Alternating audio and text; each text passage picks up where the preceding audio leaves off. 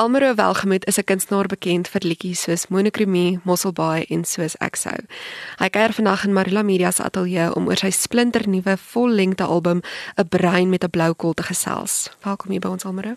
Dankie, is lekker om hier te wees. Jy het 'n brein met 'n blou kol saam met jou boetie Nico geskryf. Gesels met my oor hierdie album. Waar kom die temas en gedagtes daar agter vandaan? Ek het ja, Nico doen also half agter die skerms. So hy help vervaardig en mixing en mastering. Ek weet nie wat dit in Afrikaans is nie. So hy doen dit, help my baie daarmee, maar hy help ook met so 'n konseptualisering oor die album en waaroor ons gaan. Ja, hierdie album is nogal persoonlik van aard, dalk bietjie te persoonlik soms. Ehm um, ja, soos wat die titel sê, 'n brein met 'n blou kol, gaan dit meestal oor my binnewêreld en emosies wat ek ervaar en so aan. Ek het onlangs ook weer Johannesburg toe verhuis en dit is 'n aanpassing om die minste te sê. So ja, dit gaan eintlik maar daaroor oor die afgelope 2 jaar van my lewe en hoe ek dit ervaar, dinge wat ek ervaar. Ja, ek hoop dit is nie net 'n uh, kerm op musiek nie. Ek hoop dit beteken iets vir mense en die terugvoer wat ek tot nou toe ontvang het, dink ek ja, daar's iets van waarde daarin, hoop ek en dat mense sal voel ek sê goed wat almal ervaar maar nie noodwendig oor gesels nie. Ja, ek kry baie kommentaar wat mense sê, "Shoot, dis baie persoonlik of baie diep of oor dis baie emosioneel," maar die flip side daarvan is dat ek ook mense ontmoet wat sê maar hulle voel ook so en hulle ervaar ook wat ek probeer vasvang op die album en die musiek en dat ons baie min daaroor praat eintlik dis definitief temas wat nie vreemd is vir ons nie maar dalk bietjie taboe is om oor te praat soos geestesgesondheid en sielkunde terapie en om daaroor te gesels dink ek is 'n bietjie 'n manier om dit minder taboe te maak. Ehm um, so ek hoop dit kan dit reg kry. Was dit vir jou moeilik om soveel van jouself te gee vir hierdie album? Nee, ek dink dit kom van self en as ek skryf is dit oor die algemeen baie persoonlik net uit die manier hoe ek skryf en die redes waarom ek musiek maak is nie noodwendig om kommersiële sukses te behaal. Mens wil dit obviously hê en mens wil hê mense dit met mense bereik en om dit luisteraars wees, maar vir my is dit 'n manier om terug te dink oor dinge wat ek ervaar en dit vas te vang en sin te maak daarvan. So in daai aspek kom dit maklik. Na die tyd was dit vir my so 'n bietjie van 'n wel wat dit ek is is dit nou dalk bietjie te persoonlik om te deel met mense, is dit dalk bietjie te intiem met tye. Maar soos ek sê, ek probeer vashou aan die gedagte dat belangrik is om oor sulke goed te praat en dat hoe meer ons daaroor praat, hoe minder obskuur maak ons dit dat almal kan voel, hulle kan praat oor hulle emosies. Ek is 'n voorstander van gesels oor jou emosies. Ja. 'n Brein met 'n blou kol is beslis 'n interessante titel. Hoe het jy daarop besluit? Die lyn kom eintlik uit 'n uh, een van die liedjies op die album, een van die eerstes wat ek geskryf het. Die liedjie se naam is Voorskrif. En in die vers probeer ek beskryf hoe die ervaring is om so half te voel jy het soms hulp nodig met jou emosies. Wat ek weer eens dink almal ervaar dit soms dat mens voel ons het iemand nodig om ons te help sin maak oor dit wat ons ervaar en voel en toe het die lyn uitgekom my gedagtes 'n seerplek 'n brein met 'n blou kol en toe ek dit skryf toe ek dit lees vir my broer toe sê hy sê hierdie is 'n 'n sterk titel vir 'n album. So hy dink ons moet dit die tema maak vir die album. En dit vang ook lekker vas waar die album gaan dink ek. Is nogal visueel en 'n goeie metafoor. Ja. Waarom is dit vir jou belangrik om musiek te maak oor iets so gewigtig soos geestesgesondheid? Dis 'n goeie vraag. Ek dink dit het eintlik ontstaan meer soos ek sê uit 'n persoonlike plek, so half 'n nood om sin te maak van dinge. My eie kom ons nou net terapie om te skryf oor goed. En dan is die volgende gedagte gewoonlik, maar wat kan ek maak hiermee? Ek het nou 13 liedjies in die geval kan ons dit vrystel. Dit begin eintlik by 'n persoonlike skepingsoomblik en dan probeer ons dit 'n bietjie meer van toepassing maak op die wyeer gehoor in die publiek.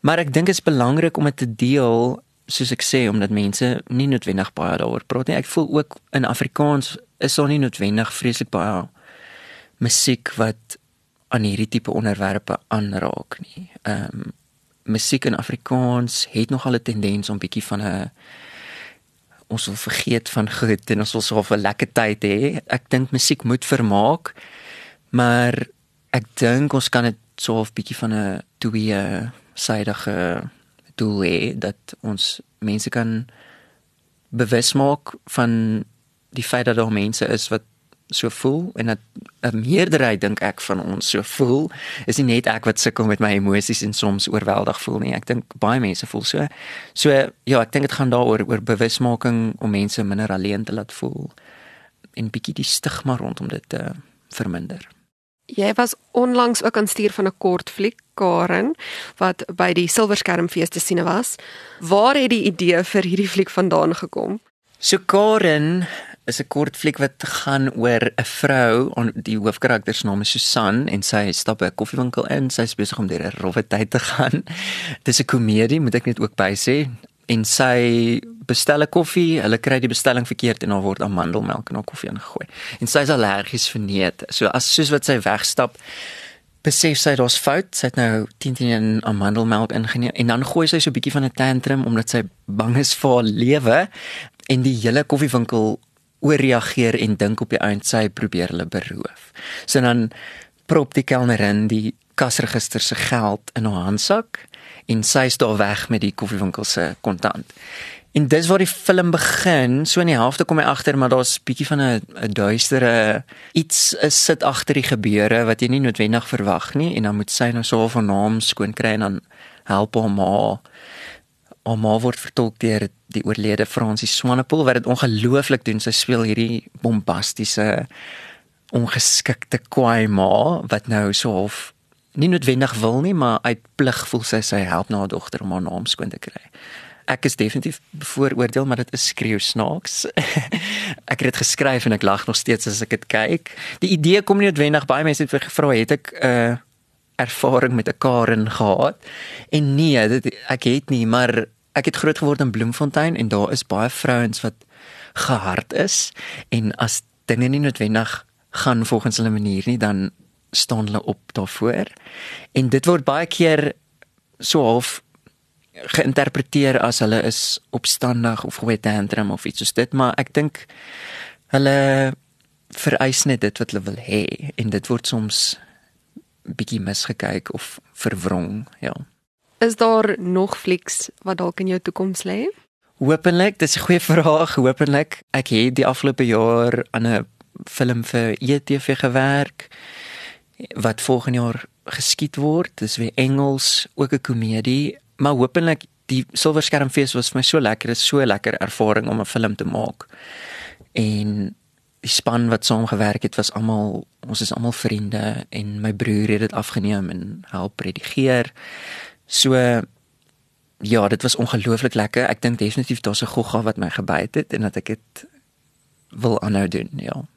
Dit is natuurlik groot baie werk om um, so fliek te maak. Hoe het dit gevoel om daar te sit en te sien? Hier is dit nou. Ja, dis 'n ongelooflike ervaring, veral omdat dit by die Silverskermfees dit wys op 'n massiewe skerm voor 'n gehoor vol mense wat almal saam lag en mens weet nie eintlik hoe gehoor sal reageer op al die grappies wat jy ingeskryf het nie. En mens werk 'n jaar daaraan basies. So Ja, dit was ongelooflik om dit so te ervaar, veral om met sommer die mense te kyk en saam te lag en so of terug te dink aan die proses en hoe lank dit gevat het en hoeveel tyd en hoeveel moeite en hoeveel werk. Maar ja, aan die einde is dit definitief die moeite werd. Ek wil vinnig terugkeer na die album toe. Wat is die boodskap wat jy graag met hierdie album met mense wil deel? Ja, hoe langer ons aan die album gewerk het, hoe meer duidelik het dit geraak dat ek voel en ons het nou die eerste enkelsnit ook vrygestel Pietie Beyers. En die terugvoer wat ons ontvang is mense wat sê jy het iets vasgevang wat ek gesukkel het om te beskryf. En ek dink dit is vir my 'n mooi doel met die album om vir mense iets te gee wat iets van hulle binnewêreld beskryf of vasvang wat hulle gesukkel het om te verwoord. So ek dink dit is nog altyd my plan of my doel met die musiek omdat dit uit 'n meer persoonlike plek uitkom, maar in die een dink ek is dit definitief om mense te laat weet jy's nie alleen nie. Ons almal voel soms so. Ons almal raak oorweldig. Ons almal kort soms hulp. En daar's mense waarmee jy kan gesels daaroor. Daar is hulp daar buite. Daar's soveel hulpbronne waarvoor 'n mens kan gaan hulp vra. En om meer met mekaar te gesels daaroor. Daar's soveel mense wat nou vir my sê, "Sjoe, jy beskryf iets wat ek elke dag ervaar en ek sal so lank vriende met hulle en ek het dit nooit geweet nie." So ek dink dit om meer te gesels daaroor, meer oop te wees oor ons emosies.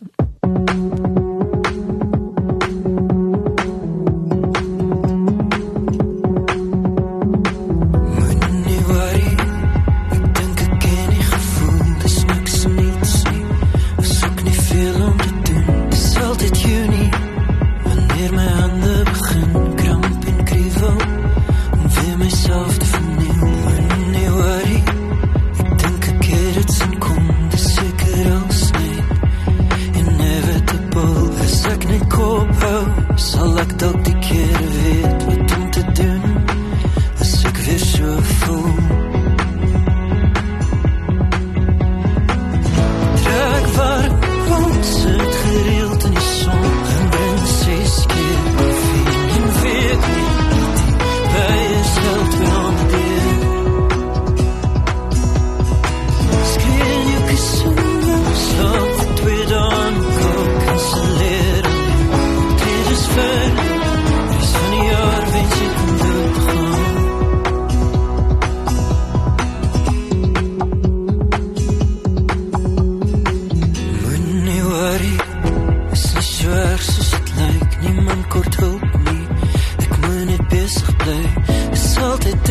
daar Wat persoon kry herinner my Om net te doen wat ek moet Druk warm Kom sit gereeld in die son En drink ses keer koffie En weet nie By is help